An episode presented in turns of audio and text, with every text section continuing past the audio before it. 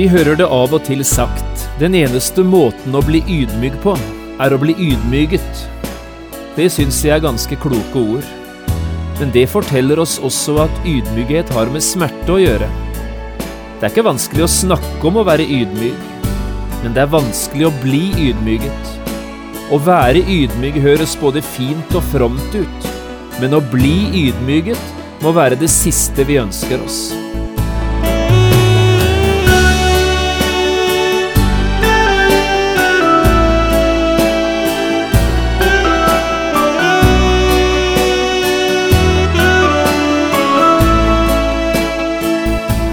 Hjertelig velkommen til et nytt program i serien Vindu mot livet. Vindu mot livet er basert på serien Insight for Living ved Chuck Swindle. Programmet er produsert av Kristen Riksradio og blir ledet av Jon Hardang.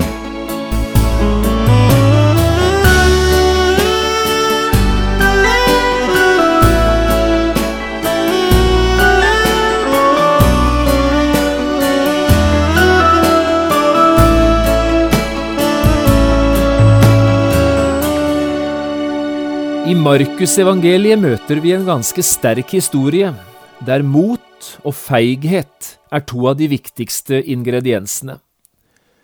Hovedpersonen i denne historien er Peter, denne markante og naturlige lederen i disippelflokken. I disse to neste programmene skal vi nå følge Peter den siste natten før Jesus døde, og vi skal møte både motet og feigheten i den markante disippelens liv. Vi leser i dag fra Markusevangeliet i kapittel 14, versene 26 til 31. Jeg har kalt dagens program Peter. Da de hadde sunget lovsangen, gikk de ut til Oljeberget, og Jesus sa til dem, Dere skal alle ta anstøt, for det er skrevet, Jeg vil slå hyrden, og fårene skal spredes. Men etter at jeg er oppstått, skal jeg gå i forveien for dere til Galilea. Men Peter sa til ham, Om så alle tar anstøt, vil ikke jeg gjøre det. Jesus sa da til ham, Sannelig sier jeg deg, i dag, i denne natt, før hanen galer to ganger, skal du fornekte meg tre ganger. Men Peter tok enda sterkere i og sa, Om jeg så må dø med deg, skal jeg så visst ikke fornekte deg. Det samme sa de alle.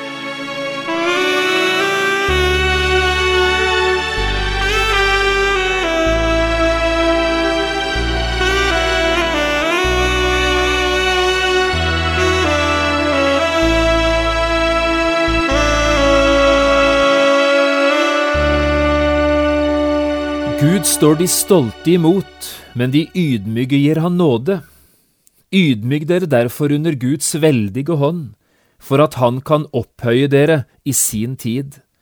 Og kast all deres bekymring på han, for han har omsorg for dere.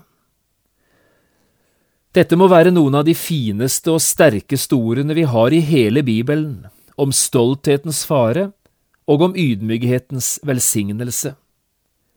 Men vet du hvem som har skrevet disse ordene? Det er Peter, Jesu disippel, han som i det ene øyeblikket sto høyt oppe på frimodighetens fjelltopper, og i neste øyeblikk befinner seg djupt nede i feighetens dal. Peter er den mest stolte, men kanskje også en av de mest ydmyke i hele Jesu disippelflokk. Og hvem skulle være bedre i stand til å skrive ord som dette enn han. Gud står de stolte imot, men de ydmyke gir han nåde. Vi skal prøve å følge Peter gjennom den siste natten før Jesus døde. Vi skal møte både den modige mannen og den feige disippelen. Kanskje vi møter med historien om Peter også gi oss et møte med oss selv. For jeg tror at mange i Peters ansikt også har oppdaget sine egne ansiktstrekk. Vi kjenner oss på en merkelig måte igjen i Peter, kanskje mer i han enn i noen av de andre disiplene. Vi kjenner oss igjen i hans stolthet og i hans feighet. Tenk om vi også kunne lære noe av Peters ydmykhet. Det er sagt, den eneste måten å bli ydmyk på, er å bli ydmyget. Jeg syns det er ganske kloke ord. Men de forteller oss også at ydmykhet har med smerte å gjøre. Det er ikke vanskelig å snakke om å være ydmyk, men det er både tøft og smertefullt å bli ydmyket. Å være ydmyk høres fint og fromt ut, men å bli ydmyket må være noe av det siste vi ønsker oss. Historien om Peter er historien om en ydmyk mann, men det er historien om en mann som ble ydmyk nettopp ved å bli ydmyget. La oss prøve å følge Peter nå, på veien inn i det mest ydmygende nederlaget han kanskje opplevde gjennom hele sitt liv. Det var altså Markusevangeliet vi leste fra i dag, og vi leste om begynnelsen på det som skulle føre til den store tragedien i Peters liv. Her i kapittel 14 har vi hele historien, om det som skjedde i nattversalen, på veien ut til Oljeberget, nede i Getsemanehagen, og så i yppersteprestens gård. Og det er ganske sterke ting vi nå møter. Jeg tror ikke vi skal lese veldig lenge før spørsmålet dukker opp. Hvordan kunne Peters sterke beslutning om aldri å ville svikte så raskt smelte bort og bli til komplett fornektelse? Hvordan kunne det skje at mannen som hadde lovet Jesus troskap, bare noen få timer seinere skulle fornekte Jesus, til og med banne på at han ikke kjente han? Jeg tror grunnen ligger i ett eneste ord, i ordet frykt. Det var frykten som overveldet Peters hjerte. Både Peter og de andre disiplene syntes det var greit nok å følge Jesus, så lenge de fikk stå i glansen av folkets beundring. Da var det bare flott å bli sett sammen med Jesus. Men når vinden snudde, når det ble tøffere forhold, når mørket falt på, og det kanskje ble en kamp på liv og død, da ble troens bein betydelig mer ustø og sjanglete. Det er Markus som skriver det vi her har lest, og Markus er veldig opptatt med dette å følge Jesus. Å være Kristi etterfølger, sier Markus, er å leve et ikke ganske enkelt liv, det vil koste noe hver eneste dag. Å følge Jesus er ingen dans på roser, det kan koste livet. Når til og med disiplene, som hadde gått sammen med Jesus dag og natt i tre år, likevel kunne ta avstand fra han, svikte og fornekte Jesus, da er det ikke grunn for noen av oss til å kjenne oss overmodige. Også Peter undervurderte risikoen for å kunne svikte Jesus. Du husker ordene han brukte, om så alle tar anstøt, vil ikke jeg gjøre det.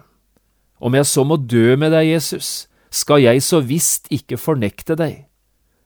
Og det samme sa de alle, står om disiplene.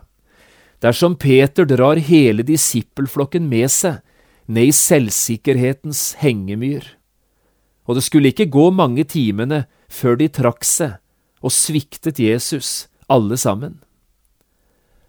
Å ta sitt kors opp og følge Jesus betyr å overgi sitt liv til Han, på alle områder og under alle forhold. De fleste av oss har aldri opplevd, tror jeg, å bli truet på livet om vi står fram som Jesu etterfølgere. Men det kan være tøft nok likevel, enten det gjelder å stå fram og vitne om Jesus, eller det handler om å leve tydelig som kristne slik at vi blir lagt merke til. Av og til kan både frykt og angst virke såpass skremmende at vi bringes til utydelighet og til taushet før vi vet ordet av det. Vi finner ingen tendenser til at Bibelen glorifiserer Jesu disipler, eller framstiller de som en slags superkristne. De beskrives som høyst alminnelige mennesker med sine seire og sine nederlag, med sine sterke og sine svake sider. Og mest gjennomsiktig av dem alle, det må være Peter. Det er kanskje derfor vi så lett identifiserer oss med denne mannen, mer enn noen av de andre. Sjøl har jeg ofte vært Gud takknemlig for at han har gitt oss et sånt ærlig bilde av Peter. Og egentlig er det helt utrolig, synes jeg, at Gud tillater slike ærlige bilder av de menneskene han tross alt satset på i denne verden. Hadde det ikke vært sikrere for Gud om han hadde skjult de bitre nederlagene og dekket til alle deres svake sider, for dem er det mange av. En forrådte Jesus, en fornektet han, og alle flyktet som redde harer da farene truet og hver eneste en av de strevde med en natur der de selv ønsket å være både størst og viktigst i disippelflokken. Og så står det her i Bibelen alt sammen. Gud har tillatt at i 2000 år har det vært lest, løftet fram på talestoler og forkynt utover i hele verden. Men jeg syns det er genialt gjort. Dette gir Bibelen troverdighet og så gir det oss frimodighet, vi som er kristne i dag. Tenk at Gud vil ha med slike som oss å gjøre. Gud som kunne bruke en Peter, han kan kanskje også bruke meg i sin tjeneste på jord. Slik begynner vi å tenke. Og det er gode tanker, det er gode frukter av historien om Peter. La oss nå prøve å følge Peter, skrittene fra nattverdssalen ned i yppersteprestens gårdsplass. Det var oppe i andre etasje i huset i Jerusalem. Jesus og disiplene hadde spist det siste måltidet sammen, i det rommet vi kaller nattverdssalen. Her spiste de påskelammet, og her innstiftet Jesus nattverden. Det hele var nokså uformelt, ingen liturgi, men ganske alminnelig og enkelt lå de til bords slik de pleide spiste sammen og snakket sammen. Og allerede her varslet Jesus at en av dem skulle forråde han. Ja, han avslørte til og med hvem det var. Men de andre disiplene forsto ikke dette riktig. Jesus varslet også Peter og de andre at alle ganske snart kom til å svikte han, at ingen verken kunne eller ville følge han dit han nå skulle. Peter protesterer umiddelbart. Herre, hvorfor kan ikke jeg følge deg nå? Jeg vil sette mitt liv til for deg. Slik sier Peter. Og Jesus svarer, Vil du sette ditt liv til for meg? Sannelig, sannelig sier jeg deg, hanen skal ikke gale før du har fornektet meg tre ganger. Det er Johannes som forteller dette i slutten av kapittel 13 i sitt evangelium. Og så avsluttet de måltidet med en salme, forteller Markus 14. Det var det vi leste. Og så gikk de ut til Oljeberget. Målet var Getsemanehagen ved foten av dette fjellet, der Jesus og disiplene hans skulle ha bønnemøte sammen. Men også nedover på veien fra nattverdssalen til Getsemane begynte Jesus og disiplene å snakke sammen.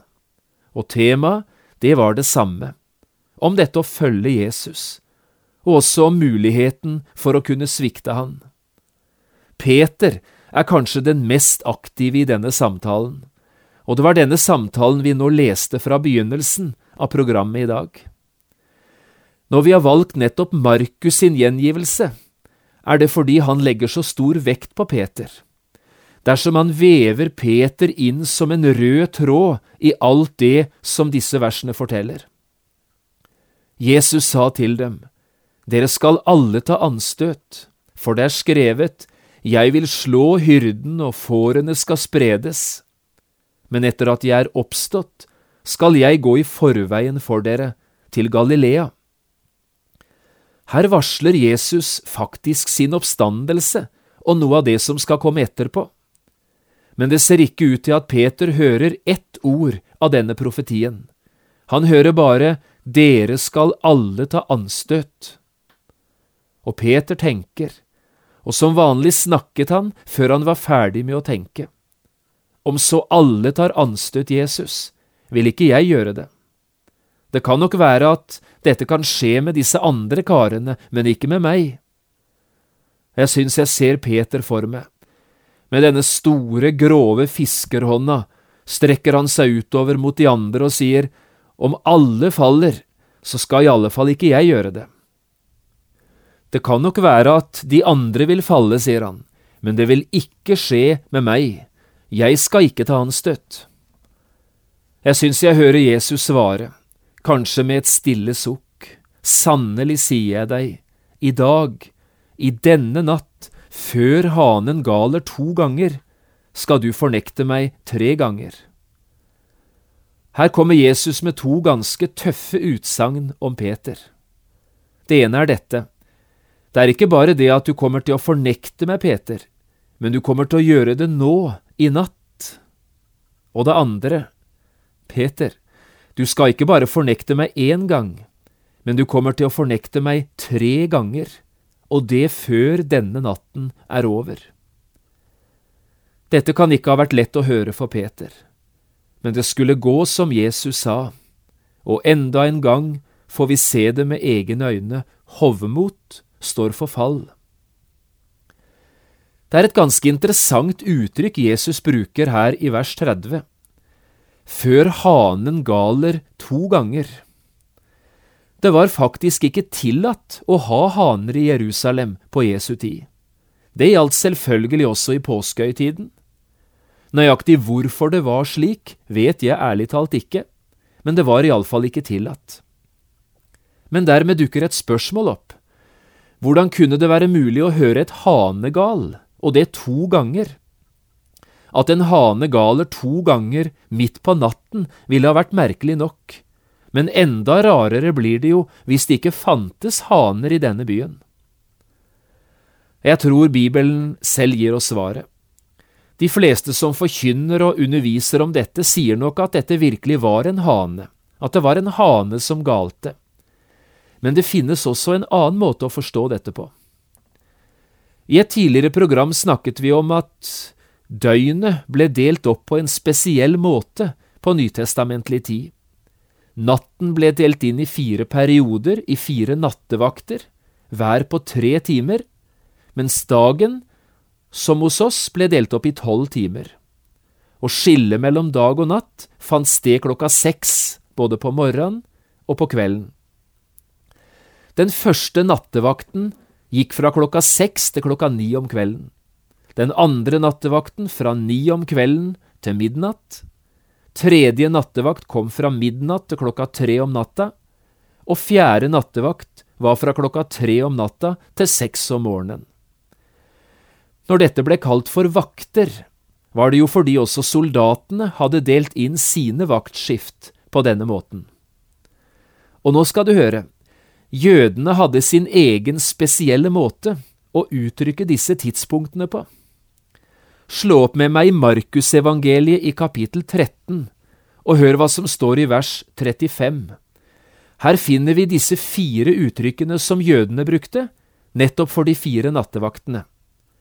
Det er Jesus som snakker om sin gjenkomst, og så sier han, Våk derfor, for dere vet ikke når husets herre kommer om det blir sent på kveld, eller ved midnatt, eller ved hanegal, eller tidlig om morgenen. Kvelden, det var slutten av første vakt. Midnatt, det var slutten av den andre vakten, og det er et uttrykk vi bruker også i dag. Hanegal var slutten av den tredje vakten, og morgenen, det var slutten av fjerde vakt. Hanegal snakker altså Jesus om, som slutten av den tredje nattevakten, altså klokka tre om natten. Og nå skal du høre, hvert eneste vaktskift om natta ble signalisert av romerne, nemlig ved en som blåste i trompet. Signalet som kom klokken tre om natten, kom altså ved hanegal. Hvis du hadde vært ute og skulle møte en annen person et eller annet sted i Jerusalem klokka tre om natten, kunne du bare si Vi møtes ved Hanegal. Hvis det var mye folk eller mye soldater i byen, ble signalet ofte gitt ved to trompetstøt, ikke bare ett. Dermed forstår du kanskje hva Jesus mente da han sa, Før hanen galer to ganger, skal du fornekte tre ganger. Det må bety at før klokka passerer tre om natta, hadde Peter fornektet Jesus, og det tre ganger. Tilbake til vers 31. Her ser vi igjen staheten i denne lojale, men overmodige Jesu disippel. Peter tok enda sterkere i, står det. Om jeg så må dø med deg, skal jeg så visst ikke fornekte deg. Og Peter drar de andre disiplene med seg ved sine dristige ord. En etter en sier de det samme. Ingen der i gården skal verken svikte eller fornekte Jesus. Lite visste disiplene da om at de skulle måtte bite disse ordene i seg igjen, og det bare om et par–tre timer. Men det måtte de. Gud står de stolte imot, men de ydmyke gir han nåde. Slik skriver Peter det i sitt første brev. Ydmyk dere derfor under Guds veldige hånd, for at han kan opphøye dere i sin tid. Peter har ganske sikkert den mørke natten i Jerusalem i tankene når han skriver dette, natten som senket det dypeste mørket over sjel og sinn som han noen gang hadde opplevd. Men når han nå skriver, formidler han noe av det varmeste og fineste vi møter i hele Bibelen. For disse ordene er skrevet av en mann som en gang visste lite hva ydmykhet var men som siden ble ydmyget av Herren. Peter, denne bredskuldra fiskeren fra Galilea, som hadde lovet endog å gå i døden sammen med Jesus, men som sviktet så totalt. Peter, han som gikk ut så friskt, og kanskje overmodig, men som opplevde at alt sammen smeltet bort i gløden fra et romersk bål sent en natt i Jerusalem natten da hele Peters åndelighet kollapset. Forut for fall opphøyer en manns hjerte seg, men ydmykhet går forut for ære. Slik står det i ordspråkene 1812. Og det var nettopp slik Peter fikk oppleve det, da han gikk i seg selv og ydmyget seg under Guds veldige hånd. Han fikk ta imot nåde, mye nåde, ja, grenseløs nåde. Det skal også du få oppleve som lytter i dag, du som ofte sviktet Jesus, eller som kanskje bærer et ferskt nederlag på samvittigheten akkurat i dag. Gå til Jesus, åpent og ærlig med ditt svik og med dine fall. Gud står den stolte imot, men den ydmyke gir han nåde. Og vet du hva Bibelen sier? Der synden ble stor, ble nåden enda større. Ta det til hjertet, også du i dag.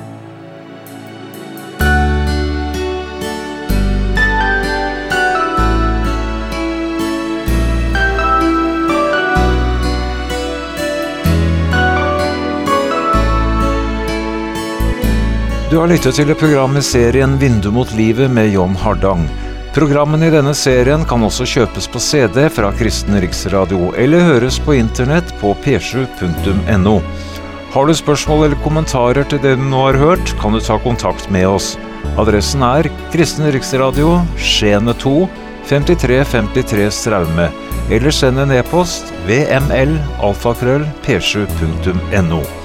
Takk for i dag, og på gjenhør.